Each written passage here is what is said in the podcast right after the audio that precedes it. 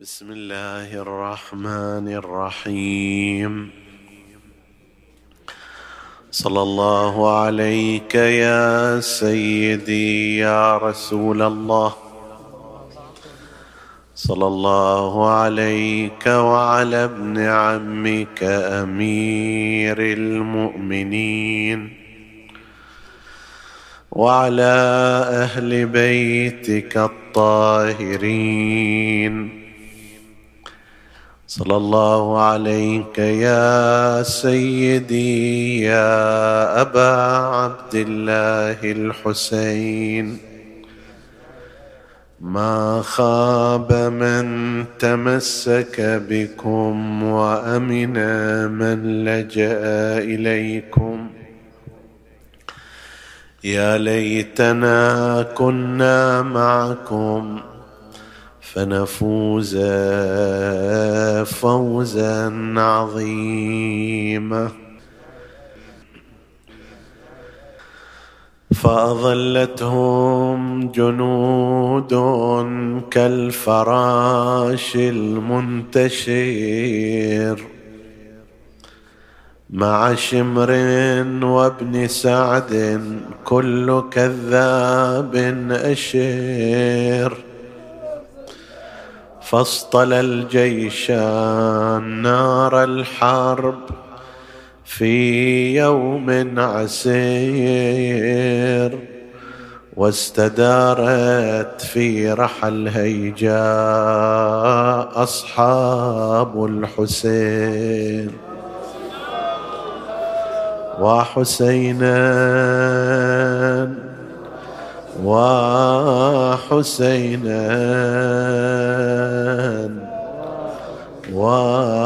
وحسين بأبي أنجم سعد في هبوط وصعود. طلعت من أفق المجد وغابت في اللحود. سعدت بالذبح والذابح من بعض السعود. كيف لا تسعد في حال اقتران بالحسين؟ وحسينا وحسينا بأبي أقمارة من خسفت بين الصفاح. وشموسا من رؤوس في بروج من رماح ونفوسا منعت أن ترد الماء المباح جرعت كأس أوام جرعت كأس أوام وحمام جاهزين وحسينا وحسينا وحسين. عندها ظل حسين مفردا عندها ظل حسين مفردا بين الجموع.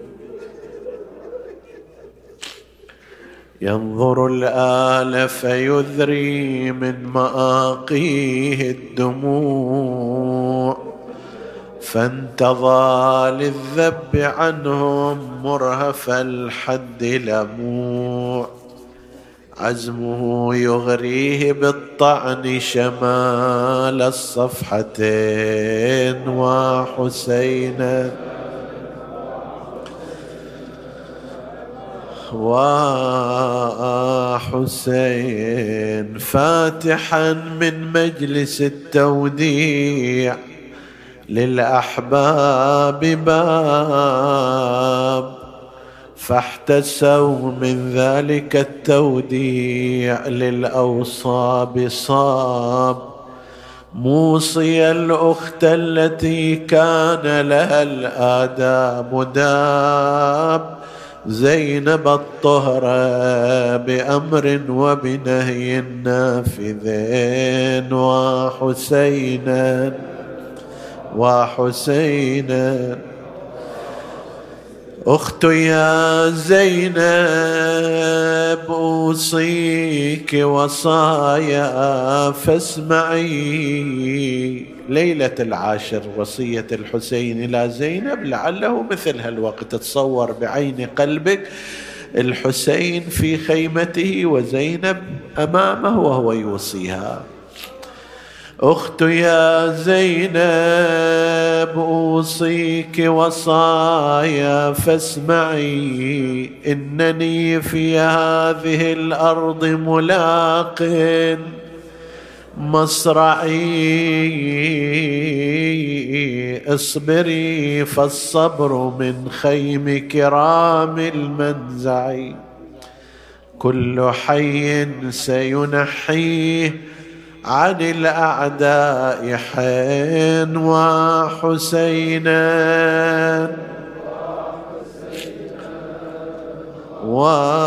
وحسين في جميع في جليل الخاط. يا أخت اصبر الصبر الجميل. إن خير الصبر ما كان على الخطب الجليل. واترك اللطم على الخد وإعلان العويل ثم لا أكره سقي العين. ورد الوجنتين يا زينب بعد وصايا. أخت يا زينب هاتي لي رضيعي اره قبل الفراق. فأتت بالطفل لا يهدأ والدمع مراق. يتلظى ظمآن والقلب منه في احتراق. غائر العينين طاوي البطن ذاوي الشفتين وحسينا وحسينا وحسين. فأتت بالطفل لا يهدأ والدمع مراق. يتلظى ظمأ والقلب منه في احتراق. غائر العينين طاوي البطن ذاوي الشفتين فدعا في القوم يا لله من خطب فظيع. نبئوني أنا المذنب أم هذا الرضيع؟ لاحظوه فعليه شبه الهادي الشفيع.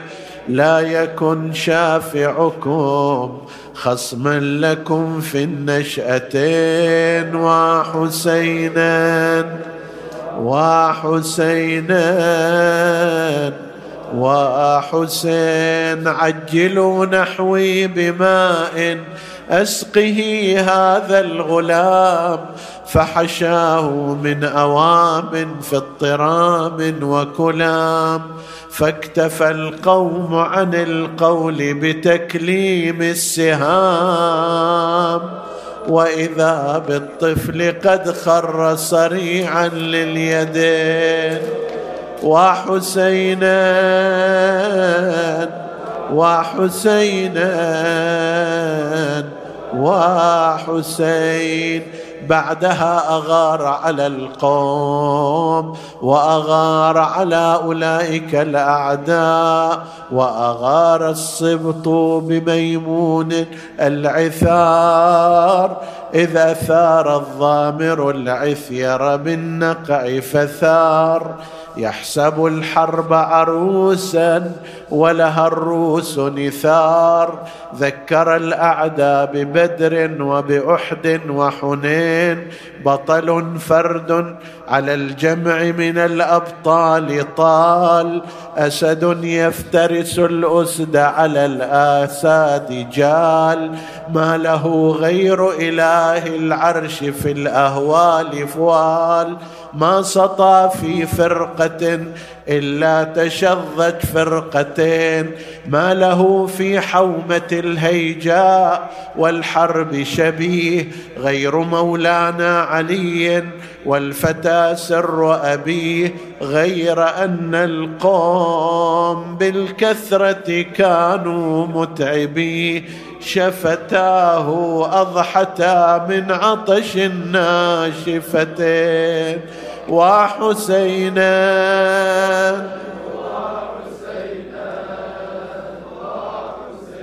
دأبه الذب إلى أن شب في القلب أوام وحكى جثمانه القنفذ من رشق السهام. وتوالى الضرب والطعن على الليث الإمام وعراه من نزيف الدم. ثقل الساعدين وتدنى الغادر الباغي سنان بالسنان طاعنا صدر إمامي. فهواواه الجنان أشرفت تبكي عليه أسفا حور الجنان وبكاه العرش والكرسي عليه آسفين وحسينا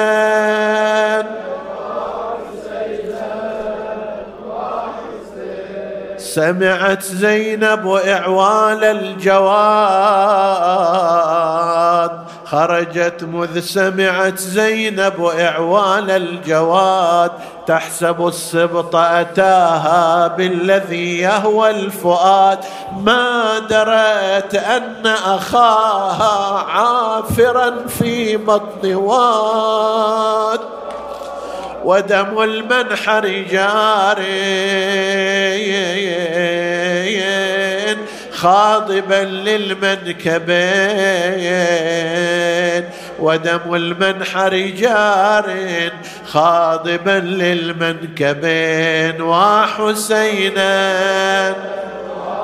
وحسينا وحسين وإذا بالشمر جاث فوق صدر الطاهر يهبر الأوداج منه بالحسام الباتر فتساقطن عليه بفؤاد طائر قائلات هاتفات خل يا شمر الحسين.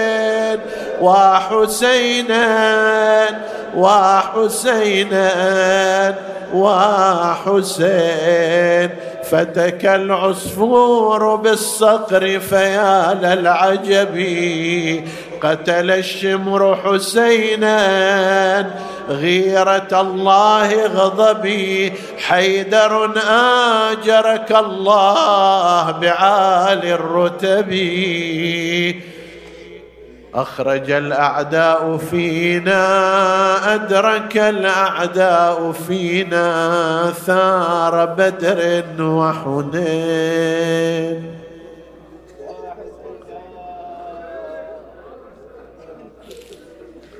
عظم الله أجرك يا رسول الله. عظم الله أجرك يا سيدتي يا فاطمة.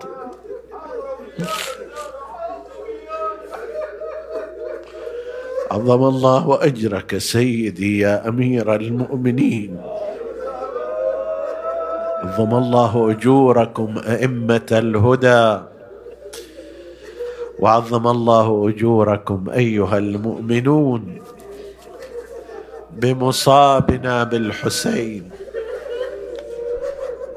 بمصيبة يصفها الإمام مصيبة ما أعظمها وأعظم رزيتها في الإسلام وفي السماوات والأرض. نسأل الله سبحانه وتعالى أن يجعلنا من أنصاره والطالبين بثأره مع راية وليه وحفيده الإمام المنتظر عجل الله تعالى فرجه الشريف. بالرغم من أن المصيبة في جوها هو الجو الغالب هذه الليلة إلا أنه مع ذلك لا بد أن نتخذ من العبرة أيضا درسا وتذكرة نذكر ببعض النقاط قبل أن نذهب إلى المقتل الشريف. التذكير الأول نحن على ثقة تامة بأن كل جهد بذل في هذا الموسم. وكل خطوة رفعت في ذهاب إلى مأتم أو إحياء لأمر أهل البيت عليه عليهم السلام أو نفقة مهما صغرت تلك النفقة أو إطعام أو وقت أو دمعة ساخنة جرت على خد مؤمن أو مؤمنة. أو تبليغ أو حضور في مأتم.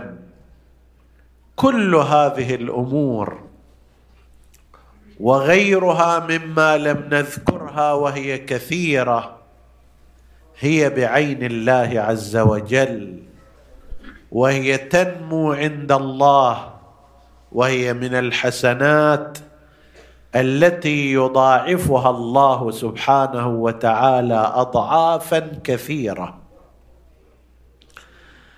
إن شيئا لا يضيع عند الله سبحانه وتعالى لا سيما إذا أريد به وجه الله وإذا أريد به نصرة دين الله وإظهار الولاية لأولياء الله عز وجل. فكل هذه هي بعين الله. يثاب عليها المؤمنون هنيئا لكم ولكن ولمن يسمع. هذا العطاء الحسيني وهذه القربات التي لا تضيع ابدا عند الله. هذا اولا. الثاني إن مما يكمل رسالة الحسين ومما يجعل دمه الشريف وكلماته تعطي أكلها كل حين بإذن ربها هي أن يتخذ الإنسان المؤمن في مثل هذه الليلة وفي مثل يوم العاشر قرار الانطلاق من مرحلة إلى مرحلة. من خطوة سابقة إلى خطوة جديدة. ذلك الذي تعود على الصلاة مثلا ليتخذ قرارا بينه وبين نفسه بدءا من هذه الليلة. أن يخطو باتجاه الصلاة في أول وقتها. ليقل هذه الليلة كرامة لك يا أبا عبد الله. استجابة لنداءاتك يا أبا عبد الله. رعيا لدمك الشريف يا أبا عبد الله. أنا أقرر على نفسي أن أتقدم خطوة في حياتي باتجاه الطاعة. صلاتي لا أؤخرها عن أول وقتها قدر الإمكان إلا إذا غلبت على ذلك ولم أتمكن. ذلك الإنسان الذي هو أقل من هذا ربما تفوته بعض الصلوات في وقتها صلاة الفجر أو غيرها من الصلوات. لو وقف بينه وبين نفسه هذه الليلة أو في يوم غد ساعة المقتل. وقال يا أبا عبد الله لأنك صليت الصلاة في أول وقتها مع اشتباك الأسنة وسلة السيوف أنا أقرر على نفسي أن لا تفوتني صلاة عن وقتها قدر الإمكان. وأسعى لذلك. وإذا قرر الإنسان وأراد فإن الله سبحانه وتعالى يعينه ويوفقه. ولا سمح الله ولا قدر. إذا كان إنسان ممن يستمع وهذا ما لا نحتمله ولكن من باب تنويع الشخصيات والأفراد لا سمح الله ولا قدر إذا كان هناك من لا يصلي أو من لا تصلي وقد غلب عليه أو عليها الشيطان فيما مضى فليقف ولتقف هذه الليلة ويوم الشهادة يوم العاشر لكي يعاهد ربه أن لأجل الحسين عليه السلام واستجابة لنداءاته وحفظا لدمه وتضحياته أنا عازم على أن لا أترك صلاتي ابدا. اتخذ خطوة إلى الأمام. اتخذ جهة يرضى عنها سيد الشهداء. لو أن كل إنسان موال اتخذ خطوة تتقدم في حياته عن الخطوة السابقة لوجدنا أن موسم محرم هو مثمر على الجميع. طبعا الآن الكثير من الناس يتأثرون بهذا الموسم يتغيرون. يتخذون مثل ذلك. لكن ماذا لو أن كل شخص فعل ذلك؟ حتى الملتزم حتى المتدين هي درجات. أنت بحدود الالتزام بالصلاة والصيام وسائر الأحكام وفقك الله. لكن هذه ليست نهاية الدرجات. هناك درجات أمامك. قرر ولأقرر ولنقرر في هذه الليلة أن نرتقي درجات في سلم الطاعة. هذا أمر ثاني وتذكير ثاني. الثالث هو أن نسعى في اتجاه تعريف الناس جميعا بالحسين. الآن في الوسط الشيعي الموالي لأهل البيت عليهم السلام الحمد لله رب العالمين القيامة قائمة في كل مكان. اليوم وأمس يرسلون لنا فيديوهات من أقصى بلاد أفريقيا. وأماكن لم نكن نسمع باسمها ولكن على أثر عمل العاملين وتبليغ المبلغين وقبل ذلك على أثر جاذبية الحسين عليه السلام ترى هؤلاء يقرؤون العزاء ويذكرون الإمام الحسين عليه السلام. هذا أمر مقدر وحسن ولكن هذا لا يشكل أغلبية المسلمين. نحن نريد أن نصل إلى يوم بحيث في يوم العاشر وليلة العاشر كل العالم الإسلامي يعلم عن مصرع الحسين وأهداف الحسين ويتذكر الحسين ويحتفي بها ويحييها. بل إذا استطعنا أن نوصل ذلك حتى إلى غير المسلمين وهذا ممكن ومتيسر وبأبسط الأمور. ماذا لو قرر كل واحد من شيعة أهل البيت عليهم السلام هذا القرار؟ واحد في المئة من الرزق الذي يعطيني الله إياه واحد في المئة أجعله في سبيل تبليغ نهضة الحسين. كم يؤثر فينا واحد في المئة؟ لا شيء. لكنه عندما يجتمع ترى أن هذا بالنسبة إلى تلك القضية مؤثر. واحد في المئة مما أكسبه أنا يمكن أن يتحول إلى كتاب بل إلى كتب باللغة باللغات المختلفة بل إلى برامج بل إلى دعم مبلغ وكفالة متحدث في أقصى البلاد والإنفاق عليه. لو تصورت مثلا شيعة أهل البيت قرروا مثل هذا يطرح الله البركة فيه وآنئذ سوف تجد أن هذه القضية بعد عدة سنوات على أثر تبليغها والحديث فيها ونشرها ستصل إلى كل مكان. والآن هذه هذا التقدم الموجود في العالم أصبح بإمكان الإنسان بايسر الإمكانيات أن يتحول إلى مؤسسة تبليغية. في السابق كان لازم تسوي لك دار نشر وماكينات طباعة وما أدري أموال طائلة وأماكن معينة والى آخره وفوق هذا سوف يقف الظالمون سدا أمام نشر هذه الكتب. اليوم كل هذا لا يحتاج.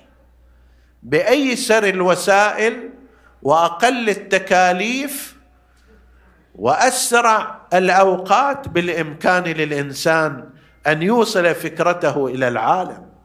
فليتبنى مثلا شخص نشر قضية الحسين عليه السلام باللغة الكذائية وآخر بلغة أخرى. واحد ينشر كتب كتبا وآخر ينشر صوتيات وثالث يدعم مبلغين ورابع كذا. عندها يعلم الناس ويعرفون عن الحسين.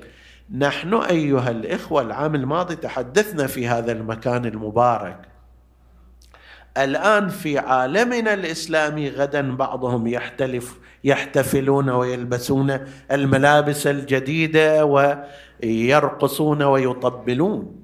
تحدثنا العام الماضي في هذا الموضوع وقلنا في بلاد المغرب العربي هذا الان الأمر موجود. زيفت يوم عاشوراء من قبل أتباع الاتجاه الأموي تحدثنا في مفصل العام الماضي زيفت يوم عاشوراء فصار مناسبة احتفالية تفريح للأطفال.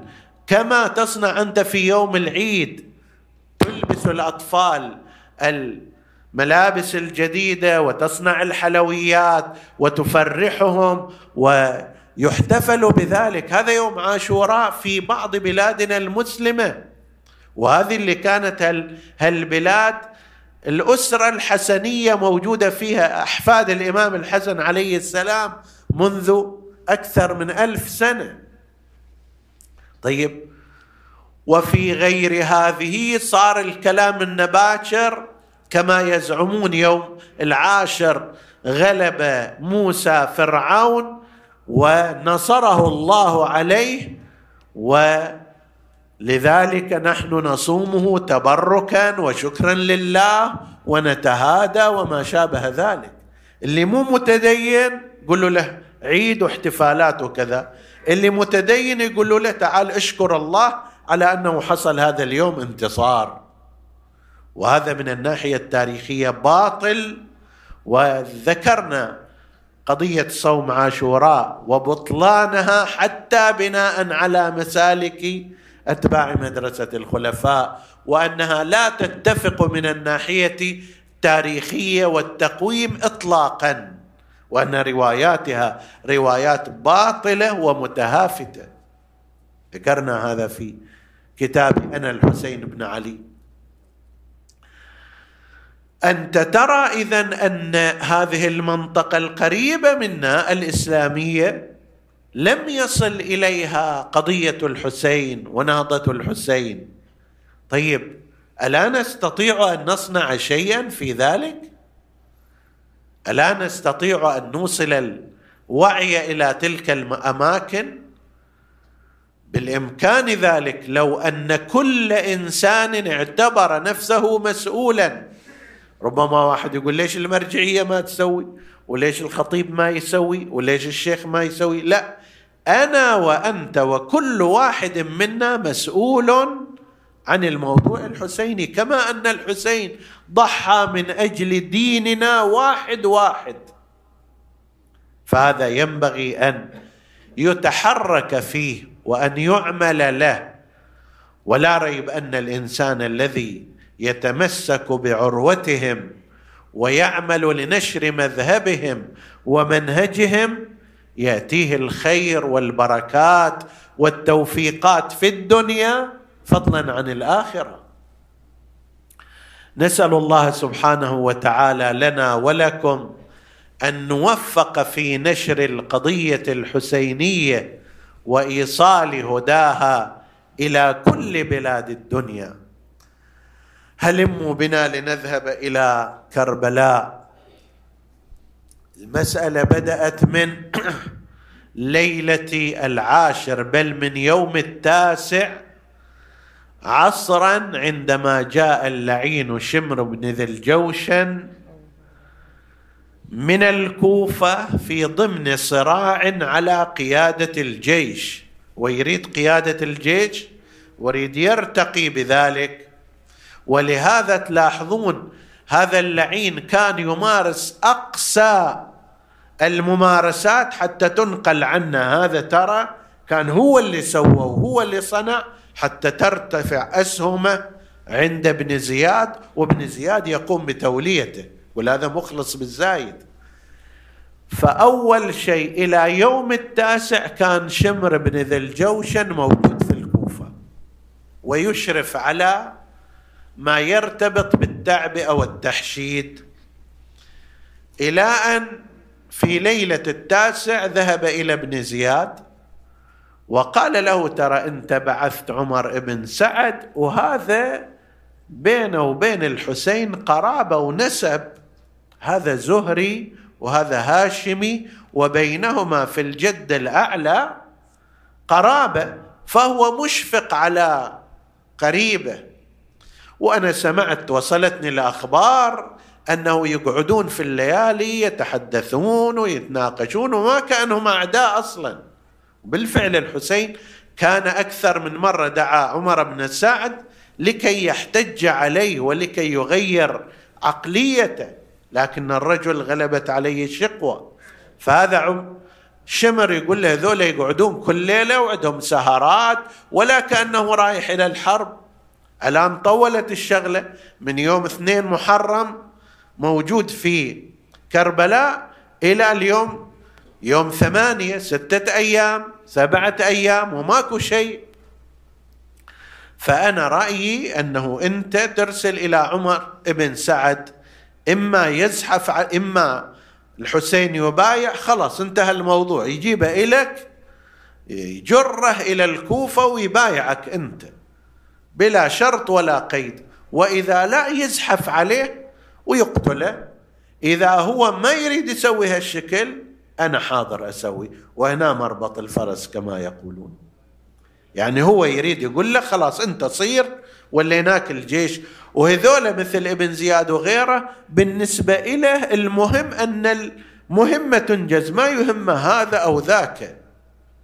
هو يريد أن ينفذ أوامر يزيد بن معاوية حتى أيضا يختصه أكثر. فبناء على ذلك كتب ابن زياد إلى عمر بن سعد إني ما أرسلتك للحسين لتطاوله ولا ولا لتمنيه السلامه وإنما أرسلتك إليه لكي تأمره بالبيعه فإن فعل ذلك وجئت به إلينا جزيناك جزاء السامع المطيع وإن لم تفعل ذا فان وإن لم يفعل ذلك فازحف عليه واقتله وأوطئ الخيل ظهره وصدره. وإني أعلم أن ذلك لا يضره شيئا ولكن لأمر في نفسي قلته. أدري ما ينظر بعد ما يموت لكن أنا في نفسي الشغله أبغاها تصير. فإن فعلت ذلك وإلا فخل بين الجيش وبين شمر بن ذي الجوشن. هاي الجملة الأخيرة اللي يريدها منه شمر. يريد الولاية.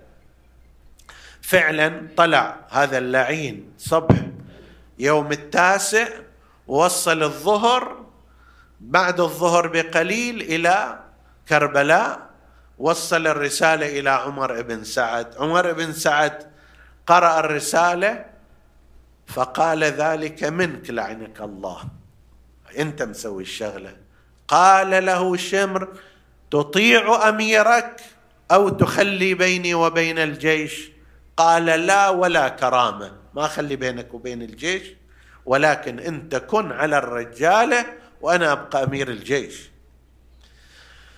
على أثر ذلك عمر بن سعد أمر بتحريك الجيش عصر يوم التاسع فتحرك الجيش بعدما ضربت الطبول تحرك الجيش مقدار باتجاه معسكر الحسين عليه السلام. الإمام الحسيني حسب ما تقول الرواية كان قد أخذته سنة شوية يرتاح فجاءت زينب بأبي وأمي.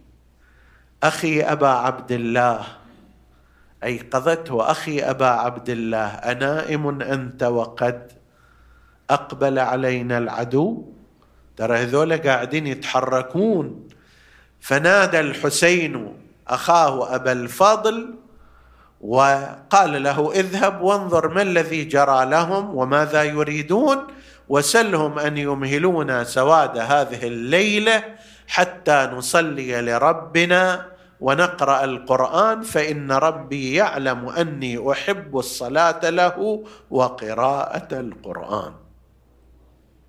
بالفعل راح العباس وأستمهلهم. قال له إحنا جاءنا أمر من الأمير ابن زياد أنه لازم يسلم الحسين ويبايع وإلا نزحف عليكم. فاستمهلهم تلك الليلة إلى يوم غد قبلوا بعد تردد في اليوم الثاني اللي هي تبدأ بعد أمور عاشوراء وحوادث المقتل. بدأ الحسين عليه السلام من الصباح قيل إن المعركة استغرقت حوالي ثمان ساعات وشيء وأن نهايتها كانت بمقتل الحسين عليه السلام في حوالي الساعة ثلاثة ونصف بتوقيتنا الآن يعني بعد صلاة الظهر وصلاة العصر إذا فرقتا فحوالي ثمان ساعات تقريبا استمرت هذه المعركة تخللها وقت الصلاة. الإمام الحسين رتب أصحابه على ما كانت الجيوش في ذلك الزمان ثلاثة أقسام ميسرة ميمنة والقلب والحسين عليه السلام كان عندهم أفراس قليلة وفوق وجود هالافراس القليلة تم عقر بعضها في أثناء القتال. حوالي ثلاثين فرس تم عقرها بالسهام حتى لا يستخدموها آخرون. فالإمام عليه السلام أول ما اجتمع هؤلاء وذاك الطرف أيضا صف أصحابه أراد أن يخطب فيهم لعل أحدهم يهتدي ومن جهة أخرى حتى تبقى هذه كوثيقة تاريخية يتعرف الناس من خلالها على كلام الإمام وعلى توجيهاته.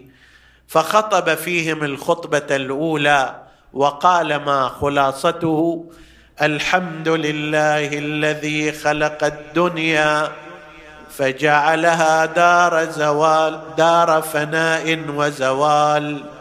متصرفة بأهلها حالا بعد حال. فالمغرور من غرته والشقي من فتنت. وأراكم قد اجتمعتم على أمر أسخطتم فيه ربكم وأعرض بوجهه الكريم عنكم. فنعم الرب ربنا وبئس العبيد أنتم أقررتم بالطاعة وآمنتم بما نزل على رسول الله محمد.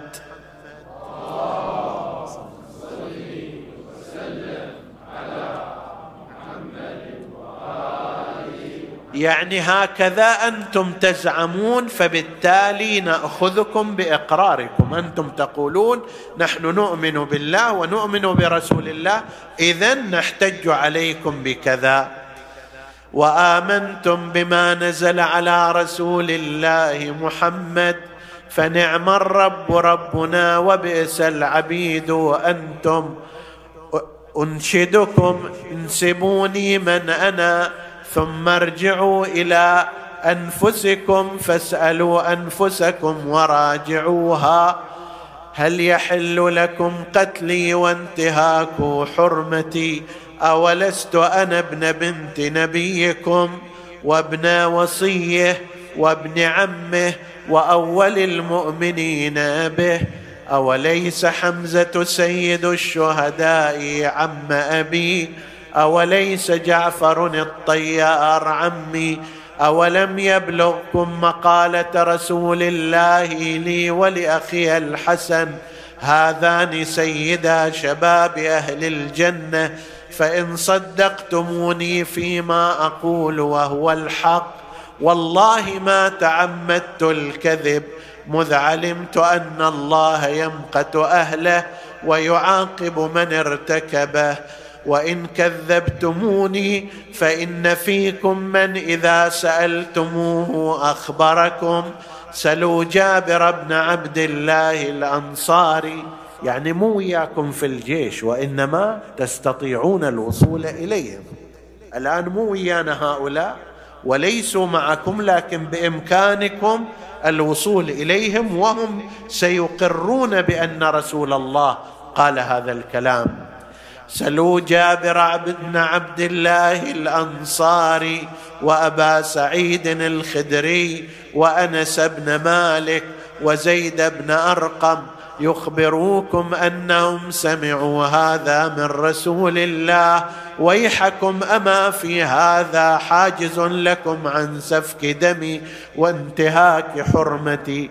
فأخذوا لا يكلمونه عطف ناقت عطف ناقته ثم رجع إليهم وخطب فيهم خطبة أخرى كانت أشد من الأولى وقال تبا لكم أيتها الجماعة وترحا أحين استصرختمونا والهين فأصرخناكم موجفين سللتم علينا سيفا لنا في أيمانكم وحششتم علينا نارا اقتدحناها على عدونا وعدوكم بغير عدل أفشوا فيكم ولا أمل أصبح لكم فيهم فهلا لكم الويلات تركتمونا والسيف مشيم والجاش طام والرأي لما يستصحف ولكن أسرعتم إليها كطيرة الدبا وتهافتم عليها كتهافت الفراش. ألا وإن الدعي ابن الدعي قد ركز بين اثنتين بين السلة والذلة وهيهات منا الذلة. يأبى الله ذلك لنا ورسوله والمؤمنون. وأنوف حمية ونفوس أبية من أن نؤثر طاعة اللئام على مصارع الكرام. فإن نهزم فهزامون قدما وإن نغلب فغير مغلبين. وما إن طبنا جبن ولكن منايانا منايانا ودولة آخرين. إذا ما الموت رفع عن أناس كلاكله وأناخ بآخرين. لم يستمع أولئك لكن قست قلوبهم قست القلوب فلم تمل لهداية. تبا لهاتيك القلوب القاسية. جاء عمر بن سعد توسط بين العسكرين وضع سهما في كبد قوسه ورمى به إلى جهة معسكر الحسين ونادى اشهدوا لي عند الأمير أني أول من رمى بسهم فتتالت النبال والسهام وانطلق نحو أربعة آلاف نبلة في جهة خيام الحسين. حتى لقد تعلقت بعض النبال بأزر النساء فصحن ونادين ومحمدا ورسول الله وحسينا. قال الحسين قوموا إلى القوم هذه رسلهم إليكم. فاعترك المعسكران والتحم الجيشان. فئة يهديها الله وفئة يضلها الشيطان حتى ثار الغبار على القسطل ما أن انجلت الغبرة إلا عن خمسين صريعا شهيدا من أنصار الحسين. وقد بان النقص في عسكريه قضى حق العليهم دون الخيام. ولا خلاه خوات حسين. لما ماتوا تفايض منهم الهام. تهاووا مثل ما هو النجم من خار. عندها جاء الدور على الهاشمين فبرز شبيه النبي علي علي الأكبر. ما هي إلا ساعة وإذا بمرة بن منقذ العبد يضربه بالسيف على رأسه. وتوغل الفرس به في معسكر الأعداء فداروا عليه هذا يقطع بسيفه وريده وهذا بالخناجر فالصليده وهذا يغطى من رمح الحديده بخاصرته وهو يعالج ويفغر. عندها برز أبناء عقيل وأبناء الحسن المجتبى. وبقية بني هاشم ولم يبق إلا أبو الفضل العباس فبرز إلى القوم وصل إلى المشرعة ولكنه عند الرجوع قطعت منه اليمين والشمال. أين المنادي وعباس وسيدا جاءه الحسين وجلس على مصرعه وقال الآن انكسر ظهري وقلت حيلتي وشمت بي عدوي رجع إلى الخيمات سألته سكينة أبا يا أبا أين عمي العباس وقالت سكي وقالت زينب أخي أين أخي أبا الفاضل؟ فقال يا راح عباس وراح الضيغم اللي يرفع الراس وظل يبكي عليه الدرع والطاس. دخل إلى الخيمات ودع النساء فجاءت زينب إليه بعبد الله الرضيع وقالت له يا أبا عبد الله خذه إلى القوم لعلهم يسقونه الماء. وجاء إلى القوم قال يا قوم قتلتم إخوتي وأهل بيتي لم يبق إلا هذا الغلام. وإن خفتم أن نشرب فخذوه إليكم. بينما هو كذلك وإذا بحرملة بن كاهل يسدد سهما فما عدا أن وقع في عنق الطفل الرضيع وذبحه من الوريد أيوا مصيبة. تلقى حسين دم الطفل بيده. اشحال اللي يشتل بحضنه وليه رجع وقد غطاه تحت عباءته ودفعه إلى سكينة. ثم نادى في النساء ودعوني أهل بيتي الوداع.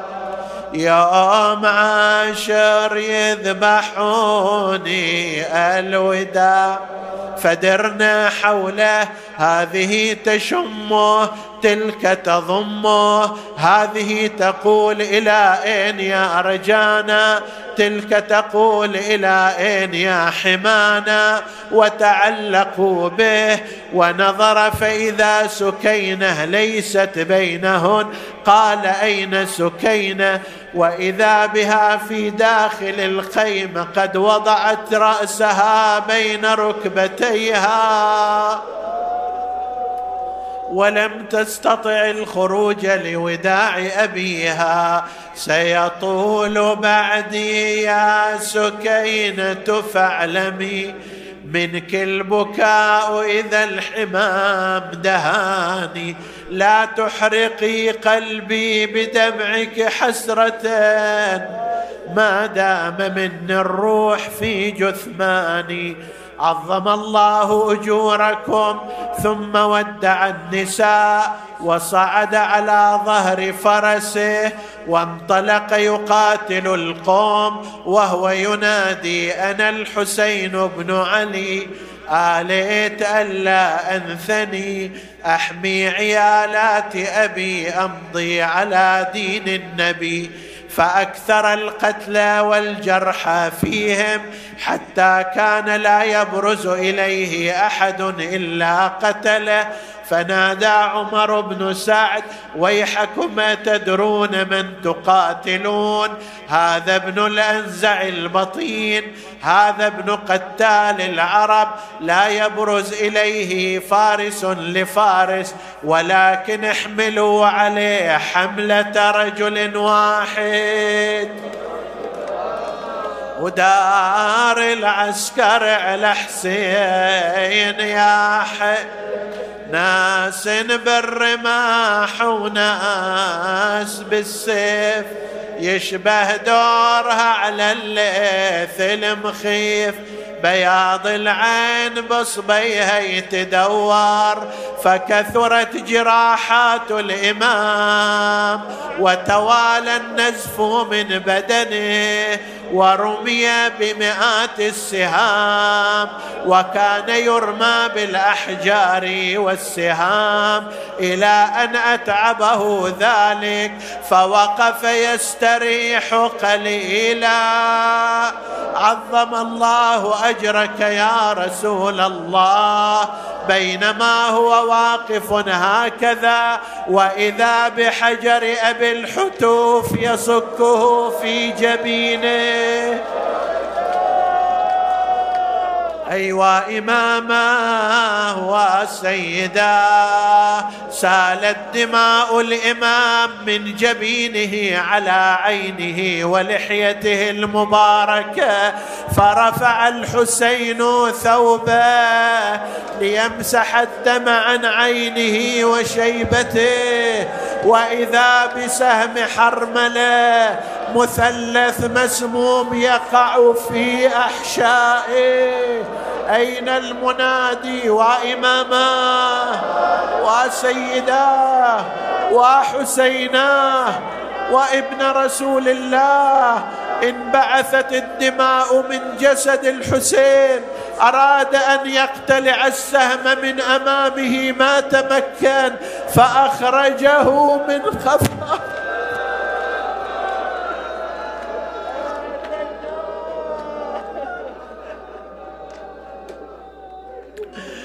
فأخرجه من قفاه ونبع الدم من خلفه وهنا ضعف الإمام على الاستمساك على ظهر الفرس فأخذ يتمايل يمينا وشمالا من الضعف ونزف الدم وهوى من على ظهر فرسه وهو يقول بسم الله وبالله وفي سبيل الله وعلى ملة رسول الله وأغمي على إمامنا مليا. في هذه الأثناء كانت النساء ومعهن زينب ينظرن من المخيم فوجدن حسينا قد سقط من ظهر فرسه. فنادت زينب ابن أمي يا حسين. نور عيني يا حسين إن كنت حيا فأدركنا فهذه الخيل قد هجمت علينا. أفاق الحسين على صوت زينب ورأى أنه على الرمضة حاول أن يقوم ما استطاع فكبى مرة أخرى على وجهه. ظن عمر بن سعد أن تلك مكيدة فذا انتظر قليلا ثم عرف أن الحسين لا يستطيع أن يتحرك فنادى انزلوا إليه واريحوه فجاء لعين ضرب إمامنا برمح في كتفه. وآخر في ترقوته وضربه لعين بالسيف على رأسه حتى امتلأ برنس عليه دما إلى أن جاء شمر اللعين. ونزل من ظهر فرسه وتقدم بخطواته وتربع على صدر الحسين. وأخذ يحاول ذبحه ما تيسر له. قالوا كما في الخبر فقلب إمامكم على وجهه وأخذ يهبر أوداجه من قفاه وضربه ضربات بسيفه حتى قطع رأسه الشريف.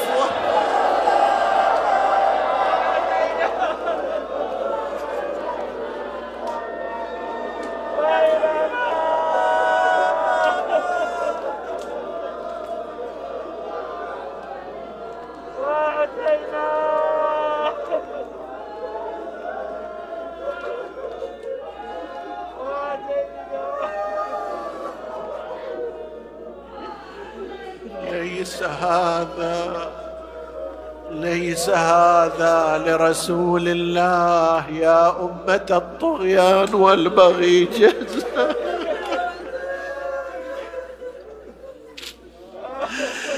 كربلا لا زلت كربا وبلا ما لقي عندك آل المصطفى.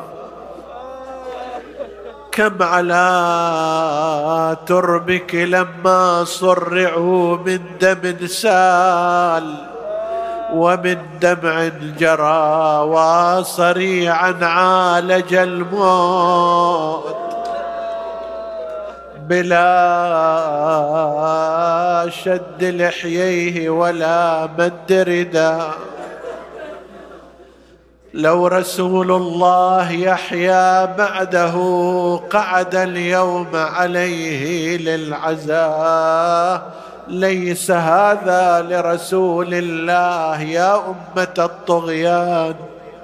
والبغي جزا جزروا جزر الأضاحي نسله. ثم ساقوا أهله سوق الإمام.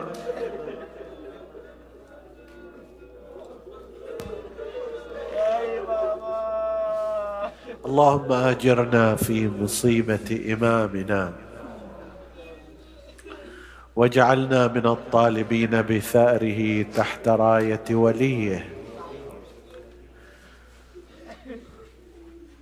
اللهم إنا نسألك بالحسين الوجيه وجده وأبيه وأمه وأخيه والتسعة المعصومين بنيه فرج عنا يا الله. اغفر لنا ذنوبنا كفر عنا سيئاتنا. آمنا في أوطاننا. اللهم ادفع هذا البلاء والوباء عن عبادك. اللهم احفظ إخواني الحاضرين رجالا نساء والمستمعين رجالا نساء. احفظهم بحفظك فردا فردا واقض اللهم حوائجهم. اشف اللهم مرضاهم لا سيما المرضى المنظورين. ومن أوصانا بالدعاء اللهم اشفهم بشفائك وداوهم بدوائك وعافهم من بلائك. اللهم إنك كريم وابن رسولك كريم ووجيه. فتصدق علينا من عندك بشفائهم وبقضاء حوائجنا وحوائج المحتاجين. وفرج اللهم عن جميع المكروبين فرجا عاجلا قريبا. المجلس مستمر إلى ليلة الثالث عشر إن شاء الله في نفس الوقت. تقبل اللهم عمل المؤسسين بأحسن القبول وإلى أرواح موتاهم وموتى السامعين. نهدي ثواب الفاتحة تسبقها الصلوات.